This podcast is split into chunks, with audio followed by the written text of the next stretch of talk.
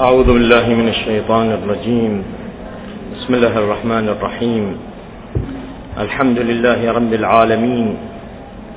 والصلاة والسلام على سيدنا ونبينا محمد وعلى آله الطيبين الطاهرين. واللعنة الدائمة على أعدائهم أجمعين ومنكر فضائلهم من الأولين والآخرين إلى قيام يوم الدين. اللهم ربنا وفقنا وجميع المشتغلين واجعله خالصا لوجهك الكريم إنك أرحم الراحمين. اليوم إن شاء الله تعالى نتحدث عن الأدلة على الإمام المهدي وهي على نوعين. الأدلة على الإمام المهدي عجل الله تعالى فرجه الشريف على نوعين. على نوعين. النوع الأول من الأدلة تسمى الأدلة العامة.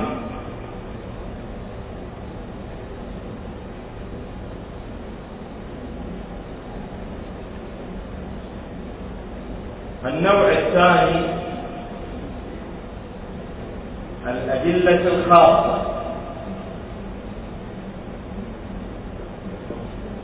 نوعين من الأدلة.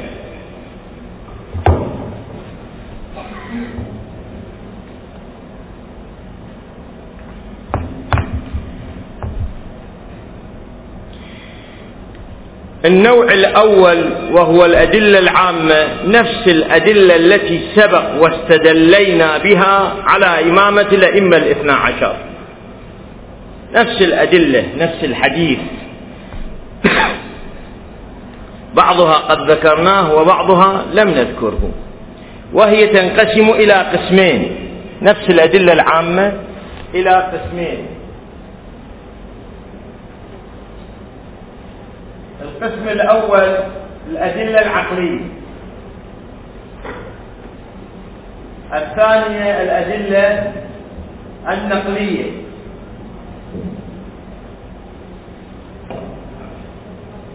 الأدلة العقلية أهمها وأشملها وأبسطها وأوضحها عند علماء الكلام. أقول عند علماء الكلام وأوقف لأننا في هذه آلينا وبنينا في هذه الدورة أن نقتصر على ما ذكره المتكلمون من الأدلة.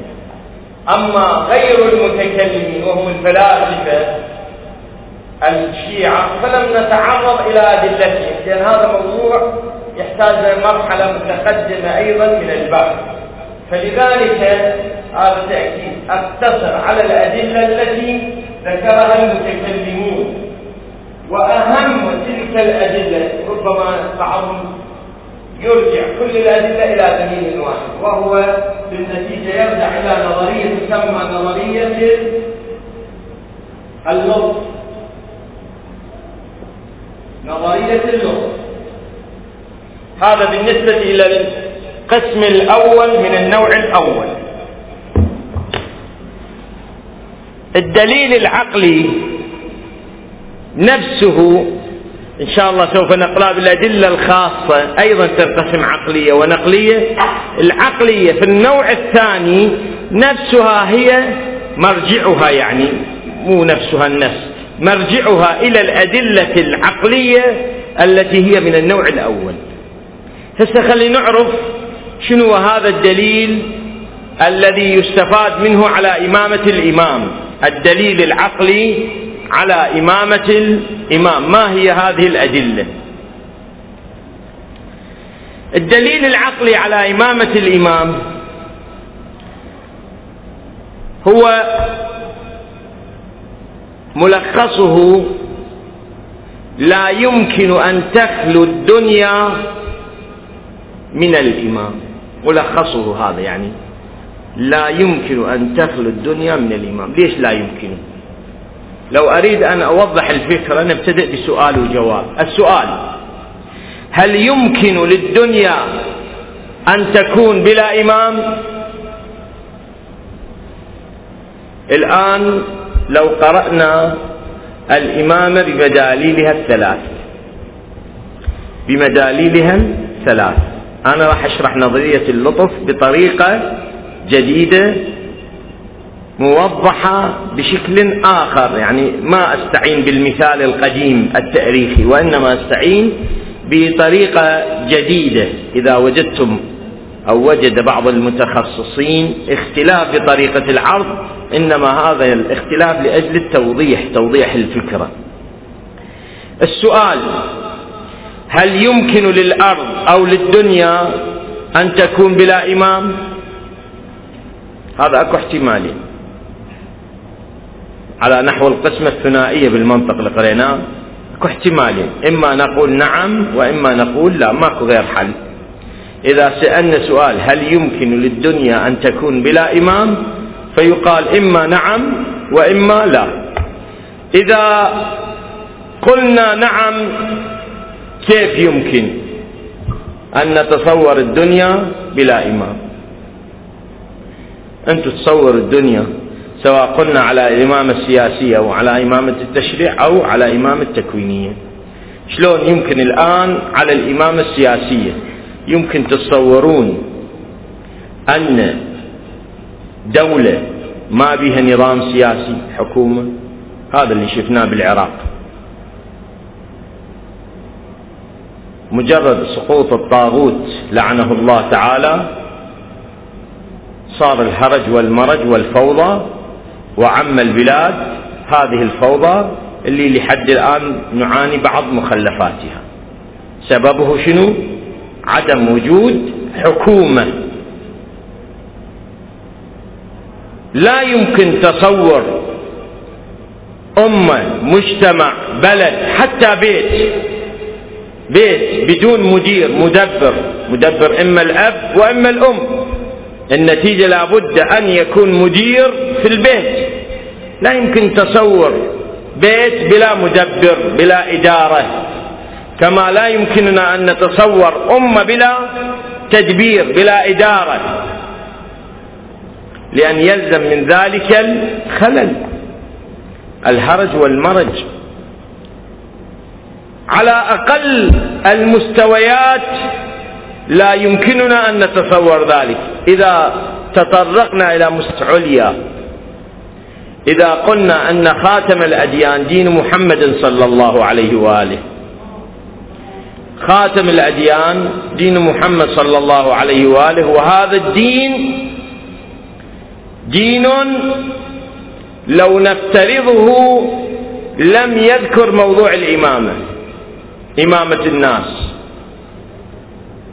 ألا يستلزم من ذلك أنه يترك الناس بلا إمام بلا قائد؟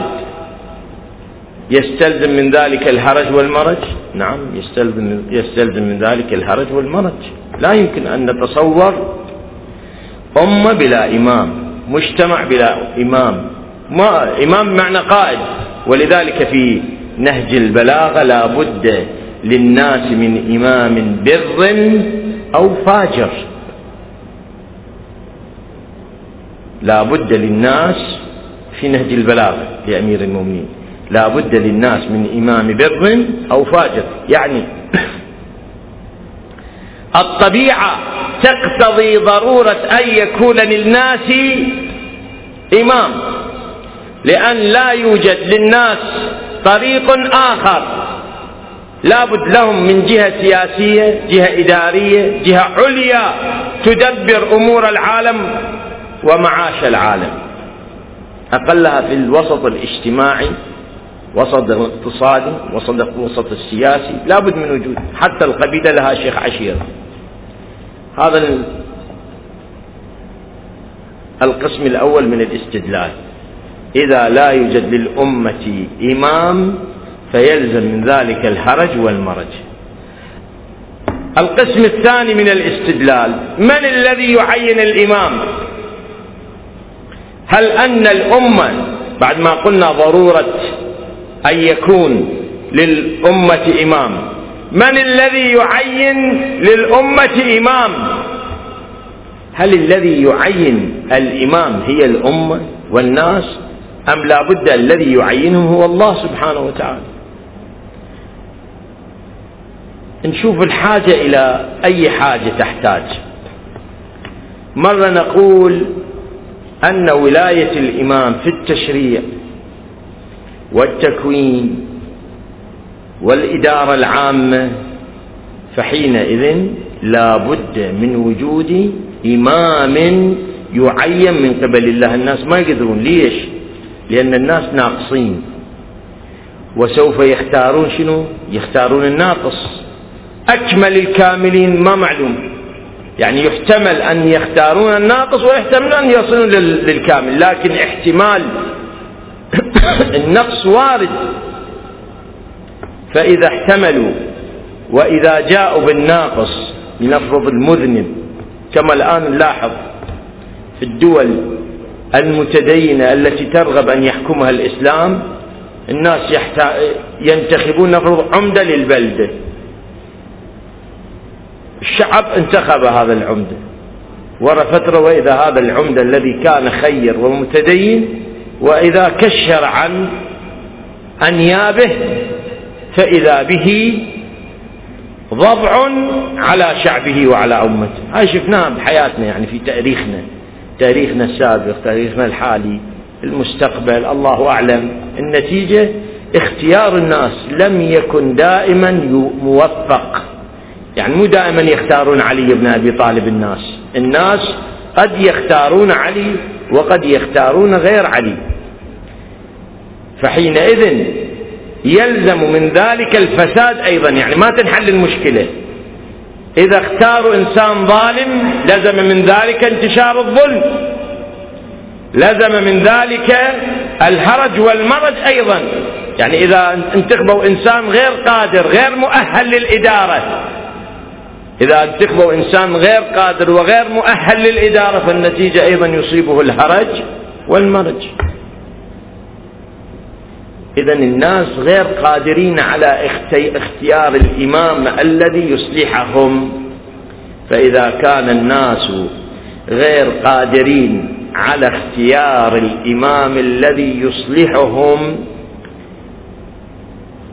فالناس غير مؤهلين للاختيار. يعني ما يقدرون هم يختارون الإمام. لأنهم احتمال قوي يعني بطبق نظريات الاحتمال التي فرضها وأوجدها سيدنا الشهيد الأول قدس الله نفسه الزكية في الأسس المنطقية للاستقراء. تراكم الاحتمال في مثل هذه الصورة وطبق هذه النظرية أو قانون الاحتمال بتعبير أصح. نرجح كفة وقوع الناس على الخطأ وليس على الصواب. لأن الناس لهم مشتهيات متنوعة متغايرة متناقضة فسوف تتضارب. هذا يريد إمام وذاك يريد إمام. فسوف لا تقع غالبا غالبا ما أقول دائما لأن بعض الأحيان تقع على الصح كما وقعوا باختيار أمير المؤمنين بعد قتل عثمان. بهذا أفلحوا. ولم يفلحوا بغيره صلوات الله وسلامه عليه. الأمر فوض إلى الأمة الناس والحكومات والأنظمة السياسية التي حكمت العالم الإسلامي وقتها بعد رسول الله فوضت الإمامة للأمة. شوفوا إن من اختاره. طلعوا علي بن أبي طالب. الحسن فترته قصيرة ولم يمكنه أن يستمر بالإمامة لأن الناس عموم الناس ارتضوا بالسلامة. يحبون الحسن ولكن يحبون مال معاوية. يحبون سياسة الغد والحيلة والمكر التي جاء بها معاوية.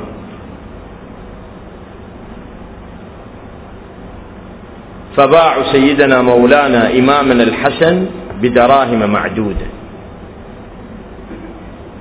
إذا حينئذ الذي يعين الله فإذا نقول الله مع هذا يقول أنا ما عين. نقول انحصر الأمر بالله لأن الله هو المطلع الضمائر. الذي الذي يعلم الصالح من غير الصالح حقائق النفوس. الآن ماضي والآن ومستقبل فقط الله. الآن نفرض نريد نقدم نقدم بانتخابات رئيس الجمهورية. ونقول برئيس الجمهورية يشترط أن يكون عادلا وأن مؤمنا وأن تاريخه نظيف ونزيه إلى آخره ويقدم ليست عن حياته. يكتب هو عن حياته أو يكتب عن حياته يقدموه إلى الجهة المنظمة للانتخابات. كتبوا. يقدرون يتلاعبون بهذا التاريخ أو لا يمكن. نعم هاي ده يصير بالدنيا كلها الآن. صار سابقا والآن هم يصير. يمكن أن يتلاعبون. فالحق يصير باطل والباطل يصير حق. الذي لا يتلاعب بدفتره هو من زكاه الله تبارك وتعالى لأنه المطلع على الحقائق في الماضي والحاضر والمستقبل. من يعلم بأن هذا كان إنسان عادل وكان تقي وكان ورع وكان محبا للناس وحاليا هو نفس الصفات وبالمستقبل. إذا صار حاكم يبقى على نفس المستوى بل قد يكون أحسن ويخدم العالم ويخدم الناس ويؤدي ما أراده الله. من اللي مطلع؟ كم حاكم جابوه خير متدين وإذا بينقلب عليهم؟ صار شيء آخر. كما قال الشاعر صلى وصام لأمر كان يطلبه فلما انقضى الأمر لا صلى ولا صام خلص. يقال إن عبد الملك بن مروان في تاريخه لعنه الله في تاريخ عبد الملك بن مروان قبل أن ينتخب خليفة كان ملازما للمحراب وللمسجد وللقرآن. من الصبح لليل يضيعوا يلقوا بالمسجد. يضيعوه بالمسجد يسألون عن يقرأ القرآن. حتى إذا انتخب خليفة بعد أبيه لعنه ولعن أباه. مروان ابن الحكم طريد رسول الله صلى الله عليه وآله انتخبوا خليفة. اجوا وكان في المسجد. فقالوا يا عبد الملك انتخبك الناس خليفة من بعد أبي قم بالأمر. يقول وكان بيده القرآن فصفقه. طبقه وقال هذا فراق بيني وبينك إلى يوم القيامة. خلصت بعد من عندك. طلع. بعد ما شافه بالمسجد ما رؤي في المسجد لا عابد ولا مصلي وإلا انتهازي. فسئل عبد الملك بن مروان كنت عابدا زاهدا ورعا ملازما للقرآن أقلها تظهر للناس. قال صلينا ولازمنا لهذا الأمر. فعندما جاء أنا الأمر تركنا ما قمنا لأجله. إحنا سوينا الصلاة والعبادة حتى تنتخبونا خب انتخبتونا بعد خلاص. ها صرت خليفة انتهى الأمر. بعد من الصلاة والصوم والمسجد. المقصود من هذه الحكاية هو أننا لا يمكننا أن نقر بحقائق الأمور لأننا لا نعلم الضمائر. فالذي يعلم الضمائر هو الله وحده يعلم الضمائر. فإذا كان الله هو وحده يعلم الضمائر فإذا العقل شو يقول العقل؟ إذا يجب على الله يجب على الله أن يختار لنا الإمام. إذا كنا إحنا من نعرف الإمام الصالح. اللي يعرف الإمام الصالح هو الله. بس الله. يقول وجب إذن. وجب على الله أن يختار الإمام الصالح. هذا الوجوب من أين جاء؟ جاء من ذاته. من ذاته تبارك وتعالى. لأن من صفاته اللطيف. اللطيف الخبير اللطف والخبرة باعتباره الخبير باعتباره العالم كان لطيفا. أسماء الله بعضها من بعض. باعتباره العالم والقادر والخبير فهو اللطيف فهو اللطيف الخبير. فوجب على الله أن يعين الإمام لأنه الوحيد العالم والمطلع على الصالح والمصلح لهذه الأمة. إذا مرة إحنا قلنا يكون خير وبعدين يصير شرير مرة أصلا هو خير يبقى خير لكن مو شغله. واحد متدين يصوم ويصلي لكن إذا تخليه مدير مدير حوزة ما يدبرها ما لا ربط بالحوزة. مدير مستشفى ما يدبرها. رجل متدين مؤمن لكن ليس له الخبرة. طبيب هو ومتدين خليه في مستشفى ما يدبرها. ما عنده الخبرة. الإدارة الكفاءة. وكذلك بالحكومات. إنسان متدين وخير ويبقى متدين وخير. لكن إذا كان مو خبير هذا يصلح أم يفسد يفسد. لأن يقوم يصدر قوانين. وآراء يظنها صلاح لأن ما عنده خبرة وإذا بها فساد الأمة. شرط فيها الخبرة. هذا من المطلع. أن هذا خبير لو مو خبير. أن هذا عادل عالم. قادر على إدارة الأمة. متوفرة به كل شروط الإمامة. من هو؟ ما حد يطلع على هذا الغيب. لا يطلع على الغيب إلا الله سبحانه وتعالى. فوجب على الله. ماكو شارة ماكو حل. ماكو حل. نريد أن إحنا مدير مصلح لهذه البشر أو لهذا الوجود أو لهذا العالم. الله هو المطلع على السرائر فلذلك وجب على الله. هذا الدليل يسمى دليل اللطف أو نظرية اللطف. ولذلك يقولون واجب باللطف. اذا نظرية اللطف اولا أن الدنيا لا يمكنها أن تخلو من إمام. ليش؟ لأن الدنيا لو خليت من امام للزم منه الحرج والمرج والفوضى وانتشر الفساد وضاع الصلاح. هذا اولا. قال لابد لا تخلو الدنيا من إمام. من الذي يعين الإمام؟ لا يمكن للأمة أن تختار الإمام. ليش؟ هاي النقطة الثانية من الدليل. ليش لا يمكن للأمة أن تختار الإمام؟ باعتبار أن الأمة لا يمكنها غير معصومة فلا يمكنها دائما أن تقع في الصح. فربما تختار الخطأ كما هو أغلب أحوالها. يعني الأمة لحد الآن أغلب اللي تختارهم مو الأصلح ولا الصالح. نادر اختارت علي بن أبي طالب صلوات الله عليه أو بعض الصالحين الذين حكموا في التاريخ. نادر. وإذا لم يحكم الصالح للزم الحرج والمرج نفس المقدمة الأولى النتيجة نتيجة المقدمة الأولى. حينئذ من الذي يعلم ثلاثة ولا يعلم الأصلح إلا الله؟ فانحصر علم بالأصلح بالله تعالى. المقدمات الثلاثة تنتج فوجب على الله أن يختار الأصلح. حتى لا يهلك عباده ولا يوقعهم بالفساد ولا يوقعهم بالضياع. فوجب على الله تعالى أن يختار الأصلح هذه النظرية تسمى بنظرية اللطف. هذا الدليل العام هو نفسه يطبق في دولة صاحب الأمر عجل الله تعالى فرجه إن شاء الله نقرأه في وجوده الشريف سلام الله عليه ونسميه إن شاء الله بالنوع الأدلة الخاصة. يعني الدليل لأن هذا ينتقل هذا عام على كل الإمام. ثم ينتقل إلى مستوى آخر من الاستدلال. بنفس نظرية اللطف. نفس نظرية اللطف نستدل بها على إمامة الحج عجل الله تعالى فرجه الشريف. هذا يدخل ضمن النوع الثاني من الأدلة. يعني لحد الآن بينا أن الدليل الأول هو الدليل العقلي العام. اللي سميناه نظرية اللطف ربما ونحن نتحدث نستشهد برواية استدل بها هشام بن الحكم.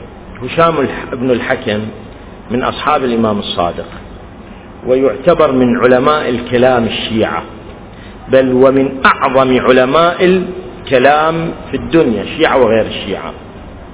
عاصر ذروة وقمة النهضة العلمية الكلامية في المجتمع المسلم الذي صارت في زمان الإمام الصادق صلوات الله وسلامه عليه وتطورت إلى زمان الرضا. هشام بن الحكم من المقربين جدا عند الإمام الصادق. في عصره عاصر مؤسس مذهب الاعتزال وهو من أكبر وأضخم المذاهب في ذلك الزمان الاعتزال الذي أسسه عمرو بن عبيد. عمرو بن عبيد مؤسس المذهب العقل الاعتزالي كان بالبصرة. المذهب الاعتزالي إحنا سابقا بينا هم والأشعرية كانوا يقولون بنظرية الاختيار. يعني أن الأمة شنو؟ مختارة. مطلق العنان لها. هي اللي تختار الإمام. الأمة هي التي تختار الإمام. هكذا كانوا يقولون.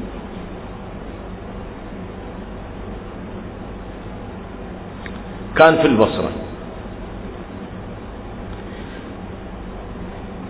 الرواية تقول دخل هشام بن الحكم على الإمام الصادق عليه السلام.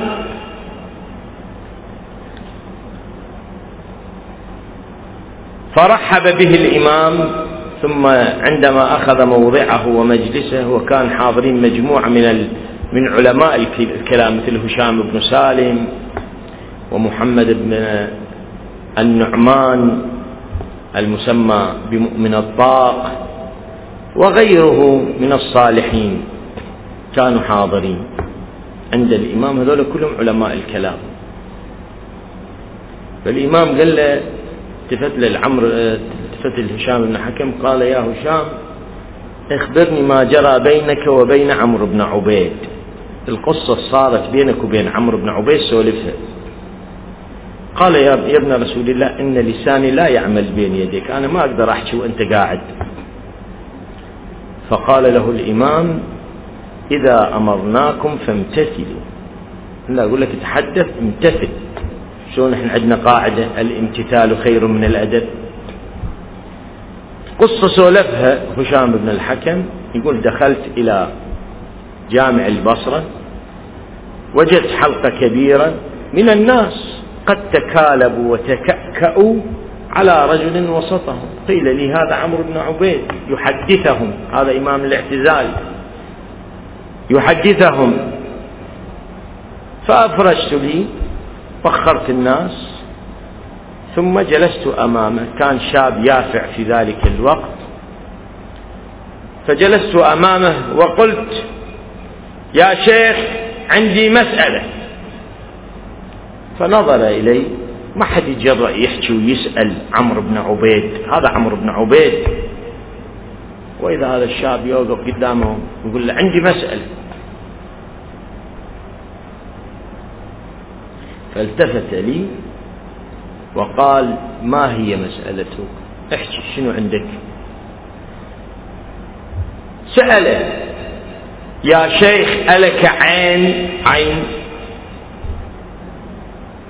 فنظر متعجب وقال وأي مسألة هذه؟ شنو عندك عين؟ هذا سؤال؟ جاي تسأل إمام الاعتزال إمام أهل البصرة في العقائد. أكبر أئمة المسلمين في ذلك الزمان. وهذا سؤال وأي هذا من المسألة؟ قال هذه مسألتي. هاي مسألتي. قال سل. فقلت ألك عين؟ قال نعم. قلت وماذا تفعل بها؟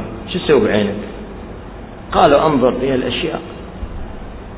أشوف هذا أبيض ذاك أحمر هذا أخضر هذا أصفر هذا إنسان ذاك حجر ذاك إلى آخره.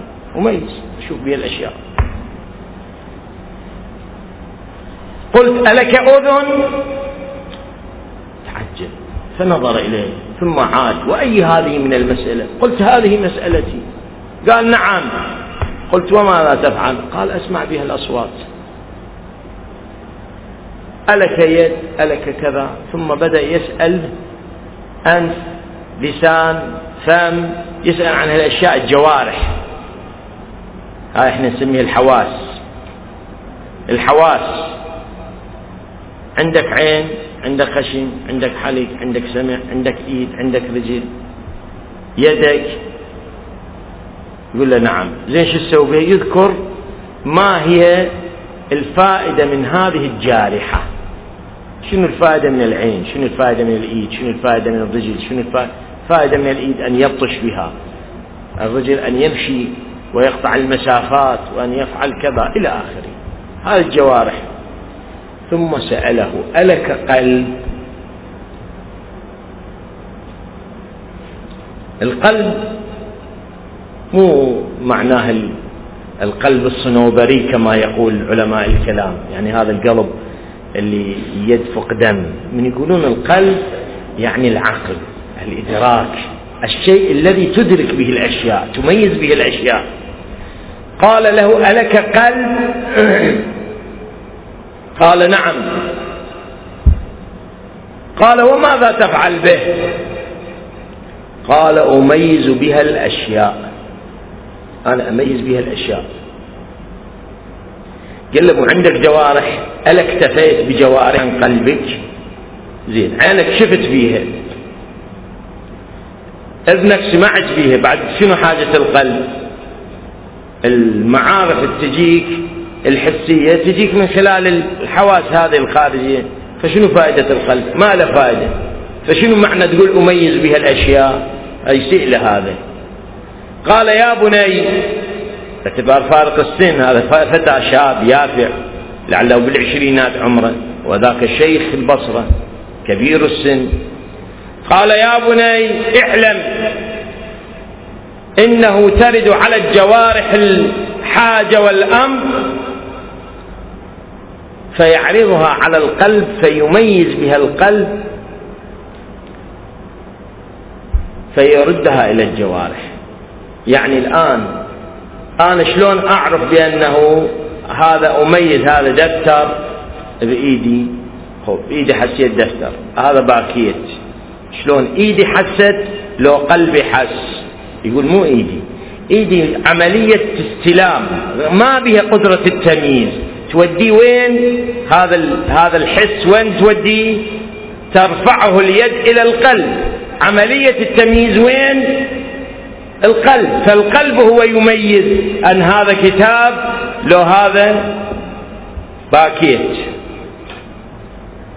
فقال هشام يا سبحان الله إن الله لم يدع جسمك بلا إمام. جسمك ما خلاه بلا إمام. خلاه لإمام ترجع إليه الجوارح. شفت شلون استدلال حلو؟ جسمك ما تركه بلا إمام. إمام من؟ القلب. القلب هو المصدر الأساسي الذي يوضح للحواس وللجوارح نقاط الصح ونقاط الخلل. ما أحسسته كان صحيح وما أحسسته كان خاطئ. من اللي يميز؟ القلب. الجارحة قد يختلف عليها الأمر لكن القلب يؤكد للجارح إي هذا صحيح. هذا صحيح هذا. هذا بارد هذا حار هذا حلو هذا مر. تمييز يرجع للقلب ويرجع إلى الجارحه قال له بدنك ما خلى بلا إمام حتى لا يعتري الجسم نقص اسمعوا. ليش خلى ما خلى بلا إمام. لأجل أن الجسم لا يتركه فيصيب الجسم النقص إذا أن الله لم يترك جسمك بلا إمام هل يترك الدنيا بلا إمام؟ تتوقع؟ جسمك أنت هذا الإنسان العادي مسلم كافر إلى آخره ما ترك بلا إمام. هذه الدنيا هذه الدنيا بمتغيراتها بأفلاكها بوجودها. يتركها بلا إمام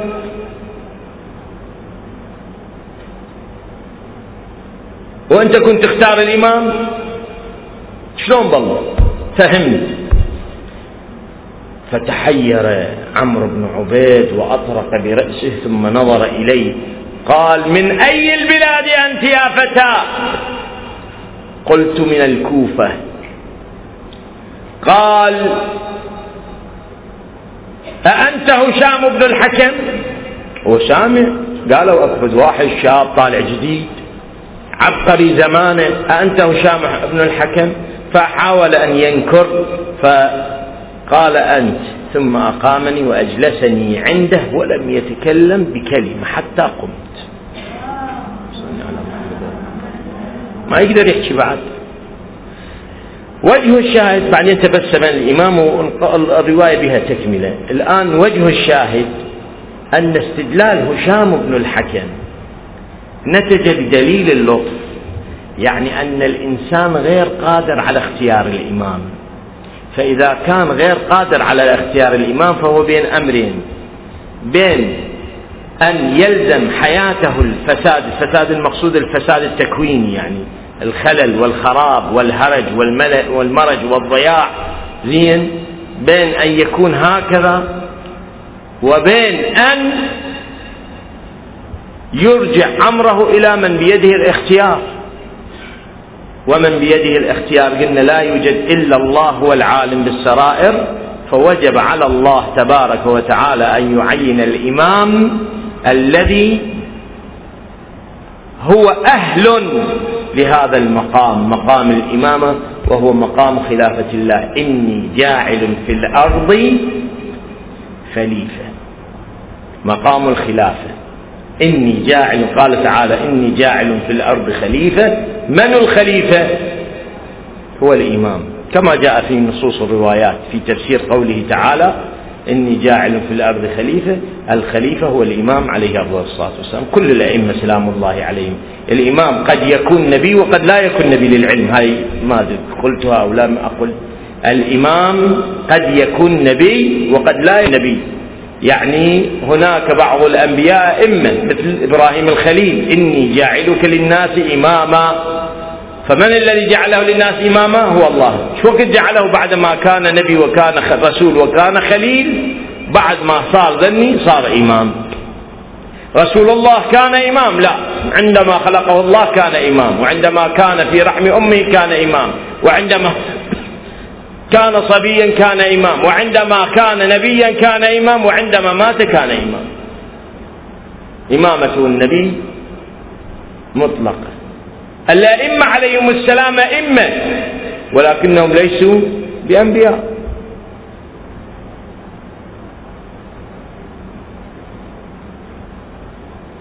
فعين الله سبحانه وتعالى الإمام وكان التعيين من الله. هذا الدليل الواضح وهو الدليل العقلي. قلنا فيه تكملة سوف تأتي بالدليل الخاص. الدليل العقلي في التكملة في النوع الثاني من الأقسام. زين. يعني القسم الثاني من أو تكملة مو قسم ثاني تكملة لهذا الدليل. النوع الأدلة العامة اللي تنطبق على الإمام المهدي صلوات الله عليه هاي أيضا ذكرناها سابقا. وهي مجموعة. كثيرة جدا. أهمها الأئمة من بعد اثنا عشر. طبعا هذا الأئمة روي بألفاظ عند كتب السنة مثلا في صحيح البخاري ما عبر الأئمة قال بعدي اثنا عشر أمير. في صحيح مسلم عبر اثنا عشر خليفة. في كتبنا موجود أمير وخليفة وأئمة. النتيجة الخليفة والأمير والأئمة بمستوى واحد. في بعض المصادر السنية أيضا موجود الأئمة عبارة الأئمة من بعد اثنا عشر. فكلمة الاثنى عشر مروية وإن باختلاف الألفاظ لكن المدلول والمعنى واحد. عندما نقول اثنى عشر مع أنه دليل عام بس الاثنى عشر من هم؟ عدد علي بن أبي طالب الحسن الحسين السجاد الباقر الصادق الكاظم الرضا الجواد الهادي العسكري الخلف المهدي. فهو الدليل وإن كان عام وإن كان الدليل عام ولكنه ولكنه خاص أيضا في نفس الوقت على الإمام مذكور بالاسم إما ضمن الاسم كما الروايات بيننا وإما بالعدد. 12 هو واحد من 12 صلوات الله وسلامه وهو خاتم ال 12 صلوات الله وسلامه عليه. هذا الدليل من الأدلة النقلية. القسم الثاني النوع الأدلة الأدلة العامة القسم الأول الأدلة العقلية اثنين الأدلة النقلية. من الأدلة النقلية وأشهرها وأمتنها وأوضحها روايات النبي صلى الله عليه وآله أنه من بعده اثنا عشر إمام. وهناك روايات عامة أيضا تعدد أسماء الأئمة عجل الله تعالى فرجه. من ضمنه من ضمنهم فيذكر اسمه من ضمن الاثنى عشر. ومن جملتها رواية اللوح. اللوح دخل جابر بن عبد الله الأنصاري على الإمام الباقر عليه الصلاة والسلام. فقال له الإمام يا جابر أخبرني عن حديث اللوح. قاعدين ناس عند الإمام الباقر قال له حدثني عن حديث اللوح. قال دخلت على فاطمة سلام الله عليها فوجدت بين يديها لوحا أخضر من زبرجة خضراء. زبرجد نوع من أنواع الحجر الثمين. ونوره يشع. سألت الزهراء عن هذا اللوح فأخبرتني أن هذا اللوح نزل من السماء نزل به جبرائيل من السماء على أبي رسول الله وأعطاني هذا اللوح.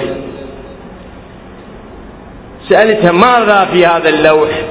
فقالت فيه أسماء الأئمة من ولدي فقرأت وإذا به الأئمة أولهم علي بن أبي طالب أمير المؤمنين والثاني الحسن بن علي بن أبي طالب الزكي والثالث الحسين بن علي بن أبي طالب الشهيد ثم عدد الأئمة إلى المهدي عجل الله تعالى فرجه الشريف.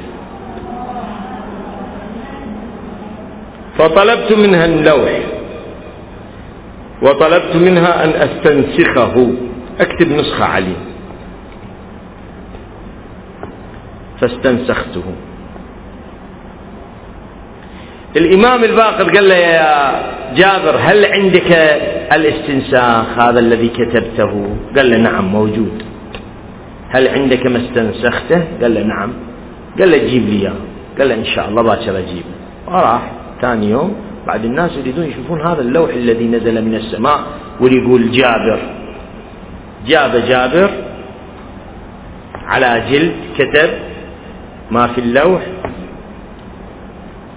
ثم أخرج الإمام الباقر زبرجة خضراء يشع نورها. قال يا جابر انظر إلى هذه. فنظر إليها جابر وقال والله هذه الزبرجد التي كانت عند سيدتي فاطمة الزهراء. هي هاي نفسها فكان يقرأ الإمام والناس ينظرون في المكتوب فوجدوا عينما كتب في اللوح الذي يقرأه الإمام سلام الله عليه إلى أن انتهى. ثم الإمام قال أحفظ هذا ما كتبته. خل الناس تستفيد. لوح من السماء نزل ونزل به جبرائيل وزبرجد زبرجد ومكتوب عليه أسماء الأئمة وخاتمهم الإمام المهدي المنتظر قبل أن يولد الإمام المنتظر بعشرات السنين بعشرات السنين. ذكر المهدي. فدليل على صحة إمامة المهدي. هذه الأدلة تسمى بالأدلة العامة. وهناك روايات كثيرة الآن لسنا بصدد استقصائها. نسأل الله المغفرة لي ولكم والحمد لله رب العالمين.